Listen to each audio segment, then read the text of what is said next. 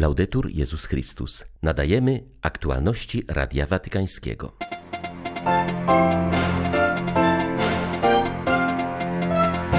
Pomimo trudności z radością przygotowujcie się na spotkanie w Lizbonie, apeluje do młodych Franciszek. W niektórych sferach skandal nadużyć nadal pozostaje tematem tabu, ostrzega nowy prefekt dykasterii do spraw biskupów. Kościoły afrykańskie zajmą jasne i zdecydowane stanowisko na synodzie, zapowiada sekretarz dykasterii do spraw ewangelizacji. Podkreśla, że synodalność to słuchanie Pana Boga, a nie krzykaczy. 4 maja witają Państwa ksiądz Tomasz Matyka i Krzysztof Bronk. Zapraszamy na serwis informacyjny. Wyobrażam sobie, co może siedzieć w waszych głowach, jak to zrobić, jak poprosić o zwolnienie z pracy czy z uczelni, jak uzyskać potrzebne środki na podróż. Wiele zmartwień, ale zawsze mają na widoku ów horyzontową nadzieję, mówi papież do osób, które pragną udać się na Światowe Dni Młodzieży do Lizbony. Dziś, trzy miesiące przed zaplanowanym od 1 do 6 sierpnia wydarzeniem, wyszło specjalne przesłanie Ojca Świętego, zachęcające do dobrego przygotowania się na nadchodzące spotkanie. Franciszek kieruje na filmiku opublikowanym w internecie do młodych swoje serdeczne zaproszenie do pełnego radości zaangażowania w wyjazd, nawet jeśli można napotkać na trudności. Uczestniczenie w Dniu Młodzieży jest piękną rzeczą i kiedy ktoś to odczuje, pragnie wziąć udział w owym wydarzeniu. Nie zdajemy sobie z tego sprawy, ale wewnątrz nas pozostają rzeczy, wartości, które odkryliśmy, relacje, które nawiązaliśmy z innymi młodymi ludźmi z różnych krajów, spotkania. Kościół ma siłę młodzieży, a więc podążajmy naprzód. Najpierw pewien sekret. Aby dobrze się przygotować, warto spojrzeć na swoje korzenie, spróbować spotkać się ze starszymi Wielu z Was ma dziadków. Porozmawiajcie trochę z dziadkami. Oni dadzą Wam mądrość, a Wy zawsze podążajcie naprzód. Będę czekał na Was w Lizbonie. Ciao.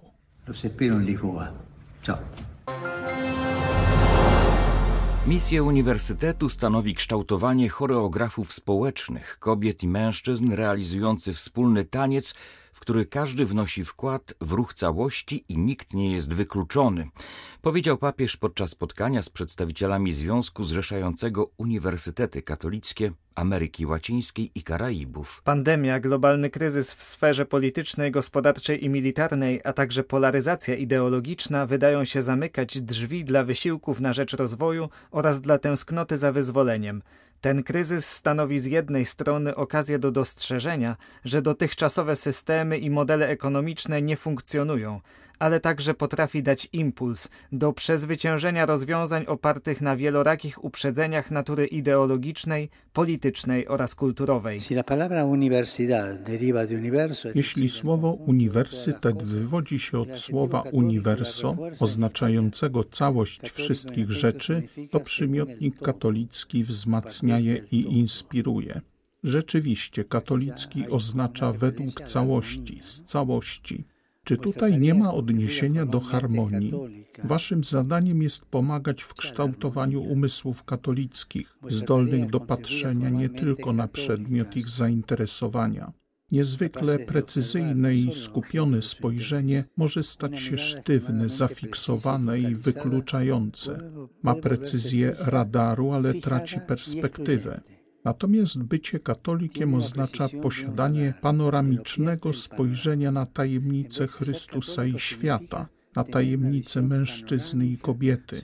Potrzebujemy umysłów, serc, rąk ogarniających całościową panoramę rzeczywistości, a nie dotkniętych ciasnotą ideologiczną.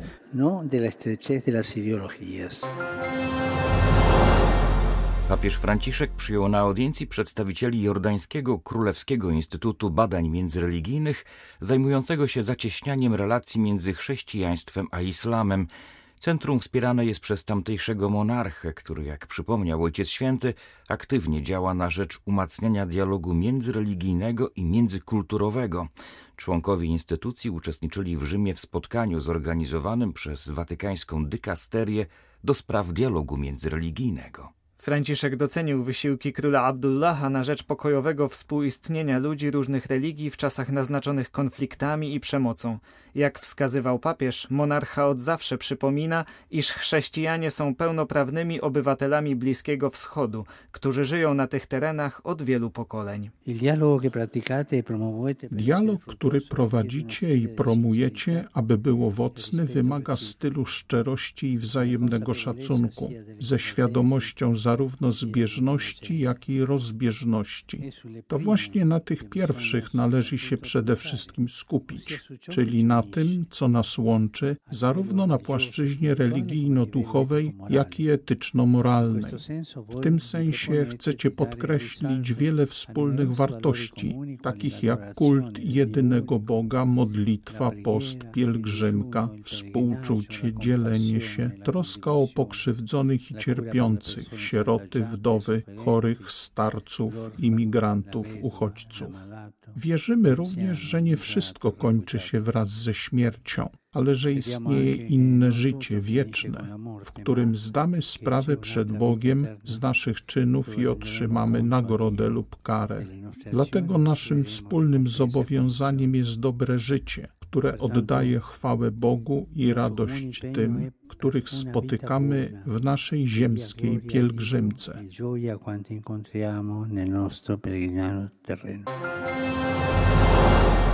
Nie można zamykać naszych serc ani drzwi Kościoła przed osobami, które doświadczyły nadużyć ze strony niektórych duchownych. Na biskupach spoczywa ogromna odpowiedzialność reagowania na te sytuacje, które wciąż prowokują wiele cierpienia w Kościele.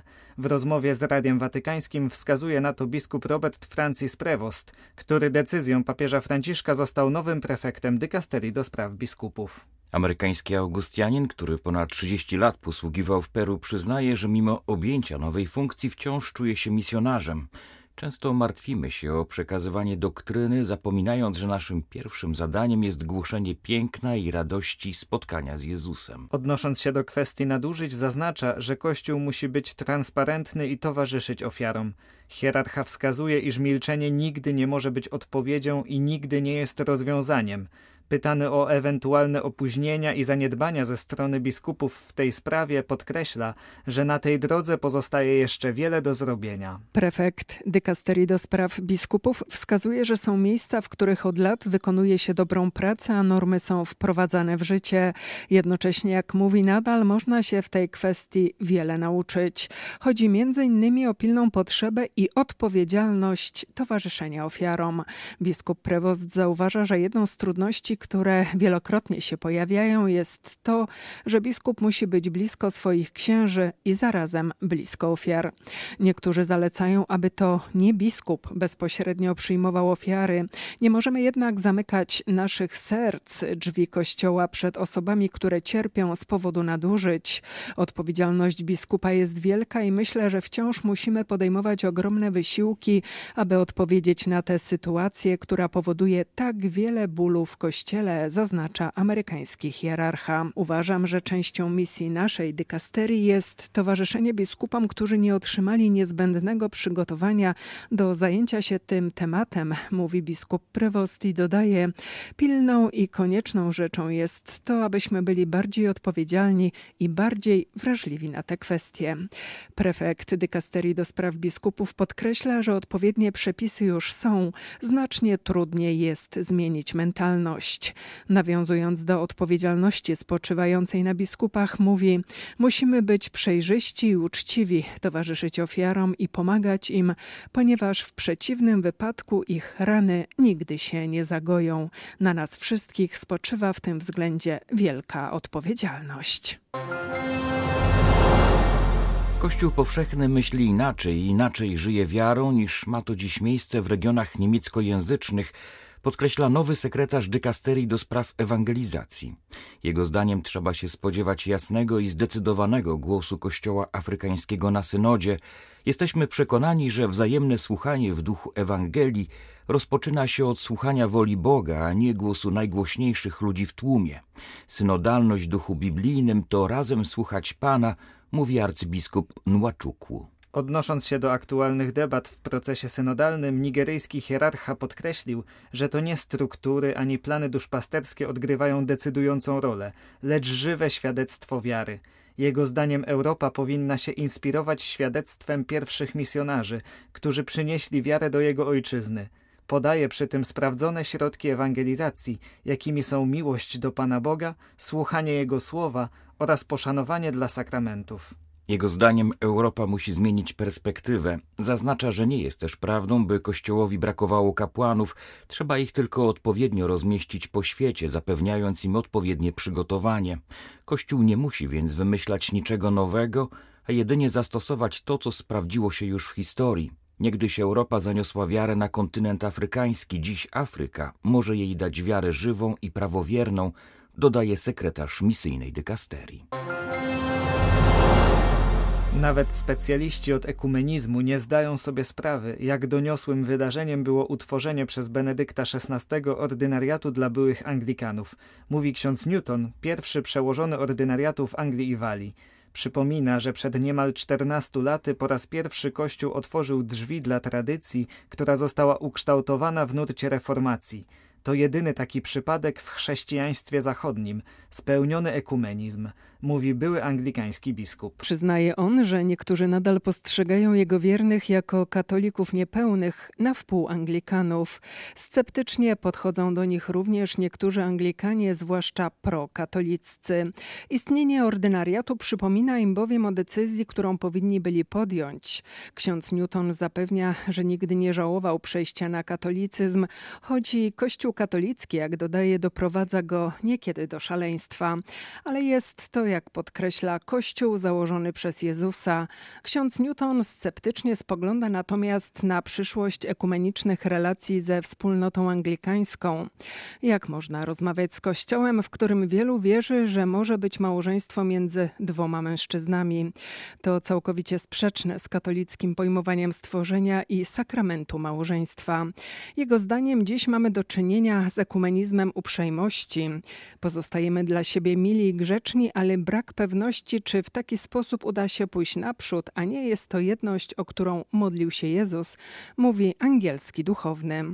Zwierzchnik ordynariatu dla byłych Anglikanów przyznaje, że jego wierni charakteryzują się też większym sceptycyzmem w podejściu do synodalności, bo oni już tego kiedyś doświadczyli. W rzeczywistości niektórzy ludzie mają swoje plany, mówią głośniej niż inni i osiągają wszystko, czego chcieli. Widzimy, co się dzieje w Kościele katolickim, na przekór temu, co mówił Ojciec Święty, kiedy rozpoczynał się ów proces, że nie chodzi w nim o doktrynę. Wygrywają mniejszości, bo pozostali się nie angażują, ich postulaty przechodzą. Mówią, że ludzi to obchodzi, choć większość katolików wcale tak nie myśli, dodaje angielski duchowny. Kanadyjczyk brat John Dunlap został wybrany na 81. Wielkiego Mistrza Suwerennego Rycerskiego Zakonu Szpitalników Świętego Jana, czyli tzw. Tak Joanitów. 66-letni prawnik jest pierwszą osobą w historii na tym urzędzie pochodzącą z oceanu. Jego kadencja potrwa 10 lat. Brat Dunlap wczoraj wieczorem został zaprzysiężony w obecności przedstawiciela Ojca Świętego, kardynała Silvana Tomaziego. Urodzony 16 kwietnia 1957 roku specjalista w prawie korporacyjnym i imigracyjnym jest uznanym międzynarodowo prawnikiem. Ponadto pełni funkcję doradcy prawnego stałej misji obserwacyjnej Stolicy Apostolskiej przy ONZ. Były to aktualności Radia Watykańskiego. Laudetur Jezus Chrystus.